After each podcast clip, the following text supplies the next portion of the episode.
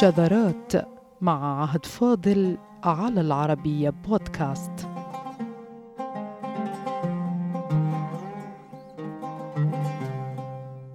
ونكمل اليوم أعزائنا الجزء الثاني من موضوعنا حيث انتهينا إلى أن التذوق وكما قال علماء الأنثروبولوجيا والفلسفة اختيار أوحد أجمع عليه الناس كافة لمنحه صفات رمزية تتعلق بالفن والعلاقات واللغة والآداب.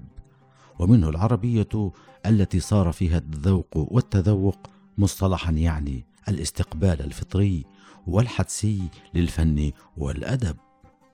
إلا أن مسعانا أيها السادة هنا وبعد أن ارتبطت حاسة التذوق اللساني بالتذوق الأدبي هو جعل الأمر منطلقا لظاهرة التذوق العربي التي صارت نمطا عالميا بعدما افتتح الأمويون الترف في الطعام والشراب بصفة خاصة.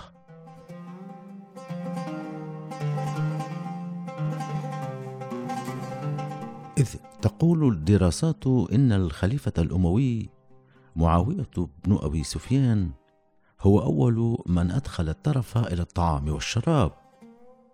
يقول المصنف الإسلامي وعالم الحياة البرية محمد بن موسى الدميري إن معاوية هو أول من تنعم في مأكله ومشربه وملبسه. وعلى هذا التأنق والترف فقد كان أيضا أول من استحضر طبيبا له على مائدته للاستماع إلى نصائحه في الغذاء.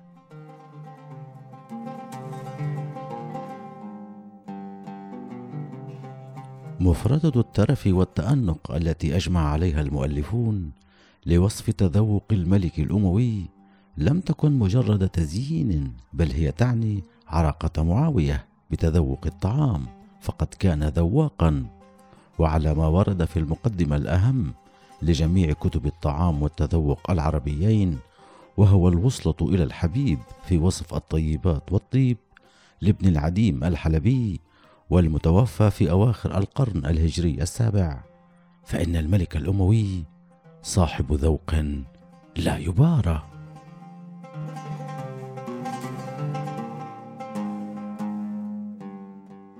الباحثتان سليمة محجوب ودرية الخطيب محققتا كتاب ابن العديم وصاحبتا أطول مقدمة كافية شافية لتاريخ الطعام والتذوق عند العرب وبلغت أربعمائة صفحة صارت الجزء الأول من كتاب ابن العديم.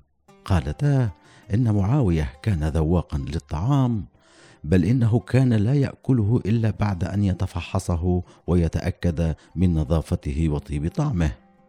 وتظهر من خلال الحوادث التي سردها الكتاب الدرجة التي يتأنق بها ويراعي أهم قواعد الأناقة والنظافة في الطعام إذ لمح مرة أحد ضيوفه من الذين يقاسمونه الطعام. لمح شعرة في لقمته فقاطعه معاوية مطالبا إياه بإزالة الشعرة من اللقمة.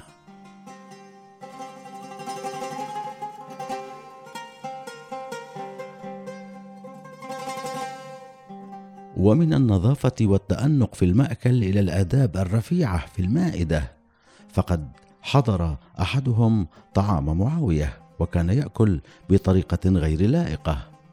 قال صاحب كتاب إصلاح الأغذية المعروف بابن سيار الوراق إن معاوية اغتاظ من ضيف حضر طعامه يأكل بنهم غير لائق البتة. ولما نهاه معاوية مرات ولم يستجب المنهوم لتأديب الملك الأموي له سأله معاوية ما اسمك؟ فقال لقمان يا أمير المؤمنين. فقال له أشهد أنك لقمان كما سميت.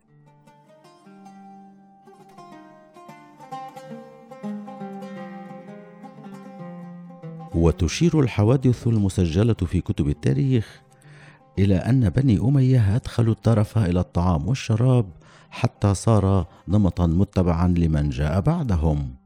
وبحسب كتاب ابن العديم المشار إليه وهو أحد أهم كتب الطعام والطبيخ فإن عمال بني أمية أي مسؤولوهم الكبار طبقوا تلك العادة المرفهة فصاروا يقيمون المآدب للناس كافة وبأنواع مختلفة من الطعام المتنوع. وتقول إحدى الحوادث إن أحد عمالهم عاقب الطباخين الذين أعدوا الطعام للناس فوجد فيه نقصا من مادة السكر فأمر بمعاقبة الطباخين عقوبة قاسية. وثبت أن للأمويين فضلا على الأكلات الشامية التي ظن خطأ أنها قادمة من المطبخ التركي وهو خطأ شائع لم يخضع لفحص. ذلك أن الأمويين توسطوا ما بين ذوق الروم وذوق العرب. فأدخلوا أشهر الأكلات إلى مطابخ أهل الشام. وذكر الجاحظ في البخلاء حديثا دار عن حظوظ الأمم بالطعام فقال ذهبت الروم بالحشو من الطعام أي أن الروم أصحاب فكرة ما يعرف الآن بالمحشيات من الطعام كالكبة الشامية الشهيرة التي كان يحبها معاوية بن أبي سفيان بحسب مصادر وليس الملوخية وحسب أو أكلة الحيس العربية الشهيرة.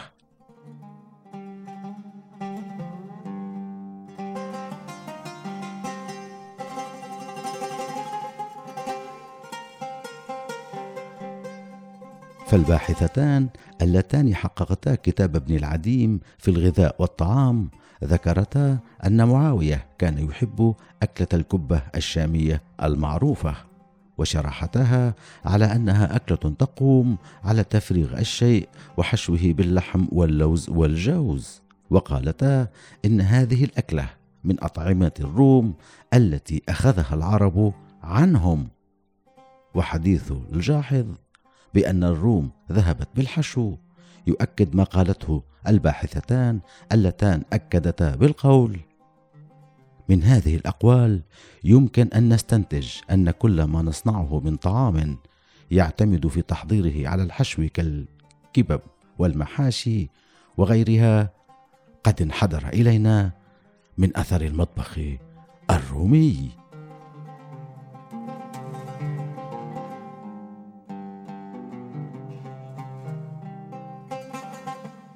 وتوسط المزاج الأموي ما بين التذوق العربي والتذوق الرومي فادخلوا إلى قوائم الطعام انواعا جديدة.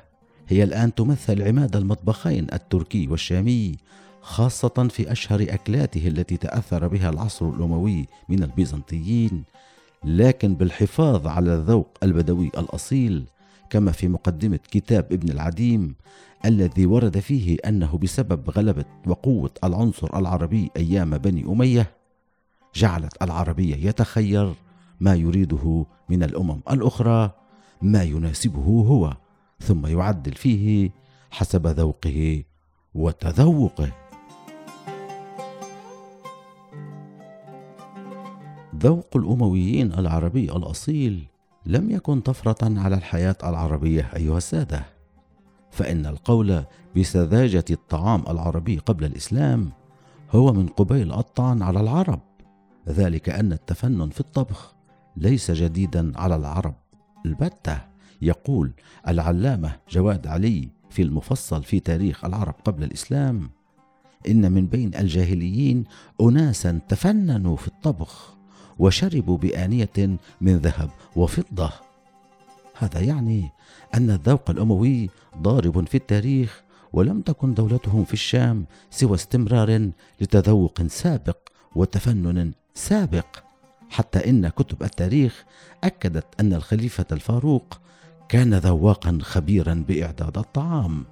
فقد ورد في طبقات ابن سعد أن عمر بن الخطاب لما مر بنساء يطبخن قال لهن لا تذرن إحداكن الدقيق حتى يسخن الماء ثم تذره قليلا قليلا وتصوته بمصوتها فإنه أريع له وأحرى أن لا يتقرد أي لا يتجمع ويتلبد ويتكتل.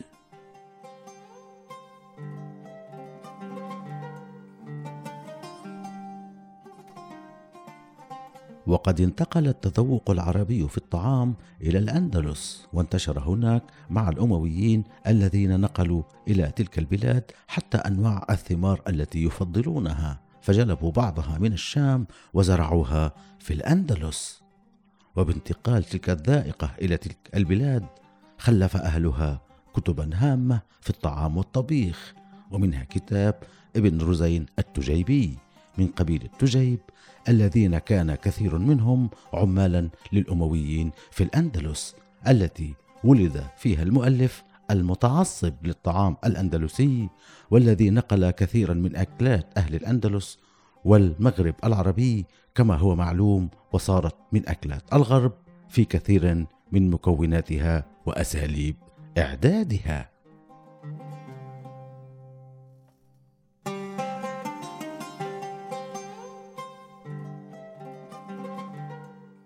إلا أن مرحلة الحروب الصليبية كانت المرحلة الحاسمة التي انتقل فيها التذوق العربي إلى العالم.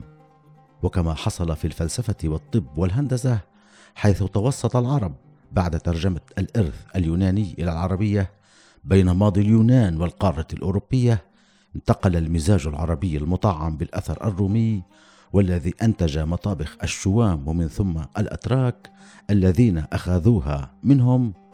ليعود مرة أخرى إلى أوروبا إنما في عصر الحروب الصليبية فماذا جرى؟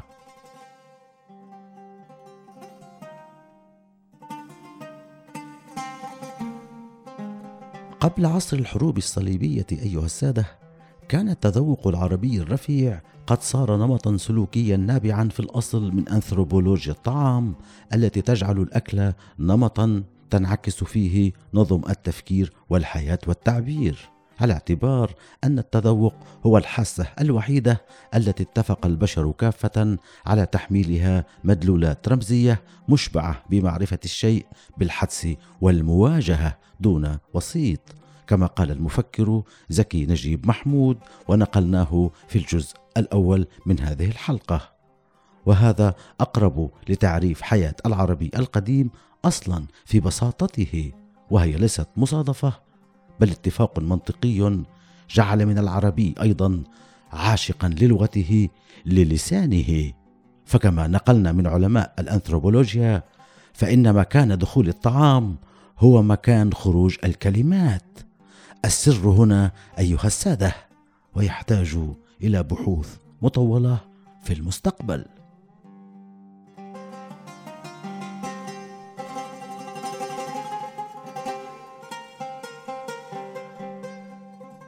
ولهذا لم يكن غريبا على العربي أن يقوم قادته بالطبخ بأيديهم فهو جزء من منظومة شاملة من قيم كالكرم الذي اشتهر به العرب وتنوع الموائد. وهنا كان جواد علي في تاريخ العرب قبل الإسلام دقيقا للغاية عندما قال إن من الجاهليين من تفنن بإعداد الطبخ. هذا عكس أكاذيب شعوبية. مكشوفة صورت العربية على أنه محدث على حضارة الغذاء فيما الحقيقة أنه من مؤسسي التذوق في العالم. ذلك أنه من نماذج التاريخ الذي يسر لتذوق الأكل أن يكون تذوقا في الفن والأدب. فصار التأثر بالعالم الخارجي تذوقا بمعنى المواجهة الأولية الصافية والحدسية. وهذه فلسفة للعرب. شيدوها شعرا ولسانا وتذوقا للطعام فكيف لتكوين بهذه الفلسفة أن يكون محدثا على الحضارة الغذائية؟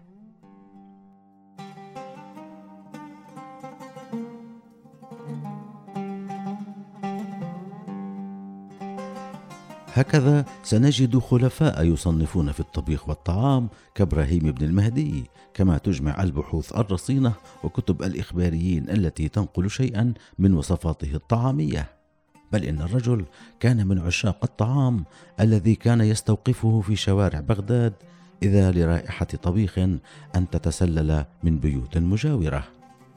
وبحسب كتاب الطبيخ في الأندلس لكاتب مجهول الهوية الذي نشر باللغة الإسبانية ثم لاحقا بالعربية للمحقق الإسباني أمبروزيو ميراندا فإضافة إلى إبراهيم بن المهدي فقد طبخ أحمد بن المعتصم بيديه هو الآخر إضافة إلى قادة كبار كيحيى بن خالد وآخرين.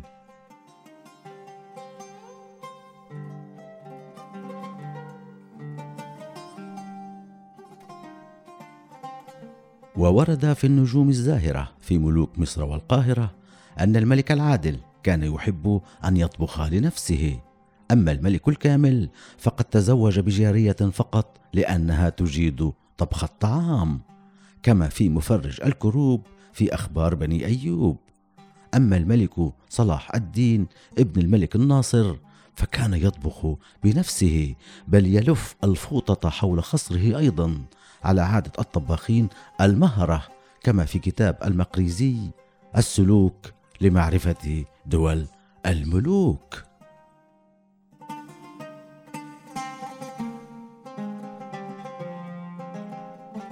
وانتقل التذوق العربي الأموي من الشام إلى الأندلس ثم عاد إلى المغرب ومصر والشام وباشتباكات الحروب الصليبية الطويلة عاد المحفوظ العربي إلى الغرب إنما بزيادات خاصة وإضافات لم تكن من قبل. فأخذ الفرنجة من العرب استعمال التوابل في صناعة الأطعمة وطبخها كما في كتاب ابن العديم الحلبي الذي ورد في مقدمته الطويلة التي هي كتاب مستقل بحد ذاتها. لم تكن الأذواق الجديدة التي اكتسبها الغربيون عن العرب مقتصرة على المآكل والمشارب بل انتقل إلى عالم الأزياء والملابس ويضيف بأن الحروب الصليبية طورت فن الطبخ عند الغربيين الذين تعلموا من العرب طرق ترتيب الموائد وصناعة كثير من الأطعمة الشرقية عن طريق طباخات عربيات كما ورد في المقدمة التي ذكرت جنسية الطباخات العربيات وأن النساء الصليبيات أخذن عنهن اسرار الطبخ العربي.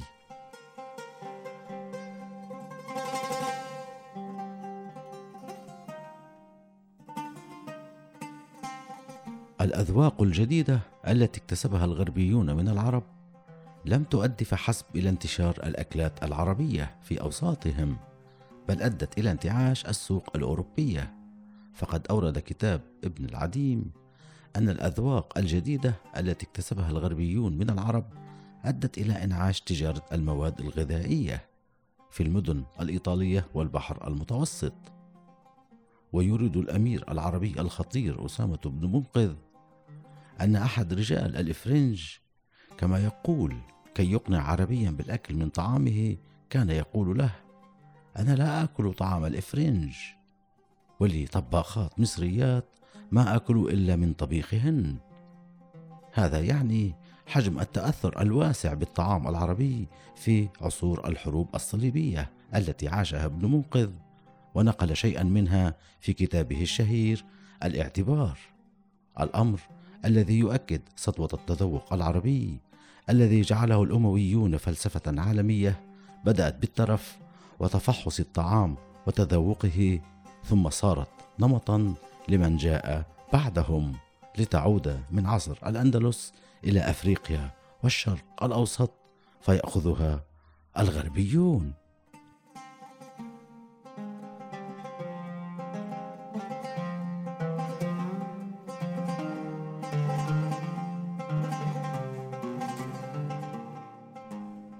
أعزائنا الكلام عن هذه الظاهرة يحتاج إلى حلقات وحلقات واكتفينا بعرض موجز للغاية. لم نذكر فيه كتب الطعام والطبيخ والأغذية التي ألفها العرب ونقلها الغربيون ثم عادت إلى العرب لاحقا. إلا أن ما جرى في حفظ وتطوير الماضي اليوناني من علوم على يد العرب حصل مثيله في الغذاء والدواء والطعام حدا بحد.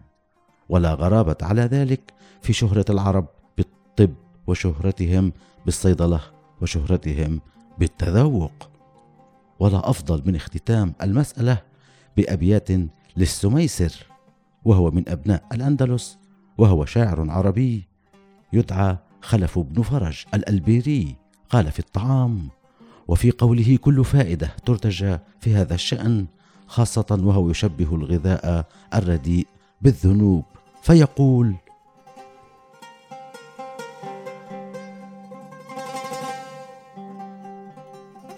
يا أكلا كل ما اشتهاه وشاتم الطب والطبيب ثمار ما قد غرست تجني فانتظر السقم عن قريب.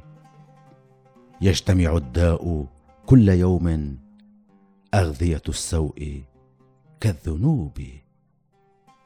والسلام عليكم.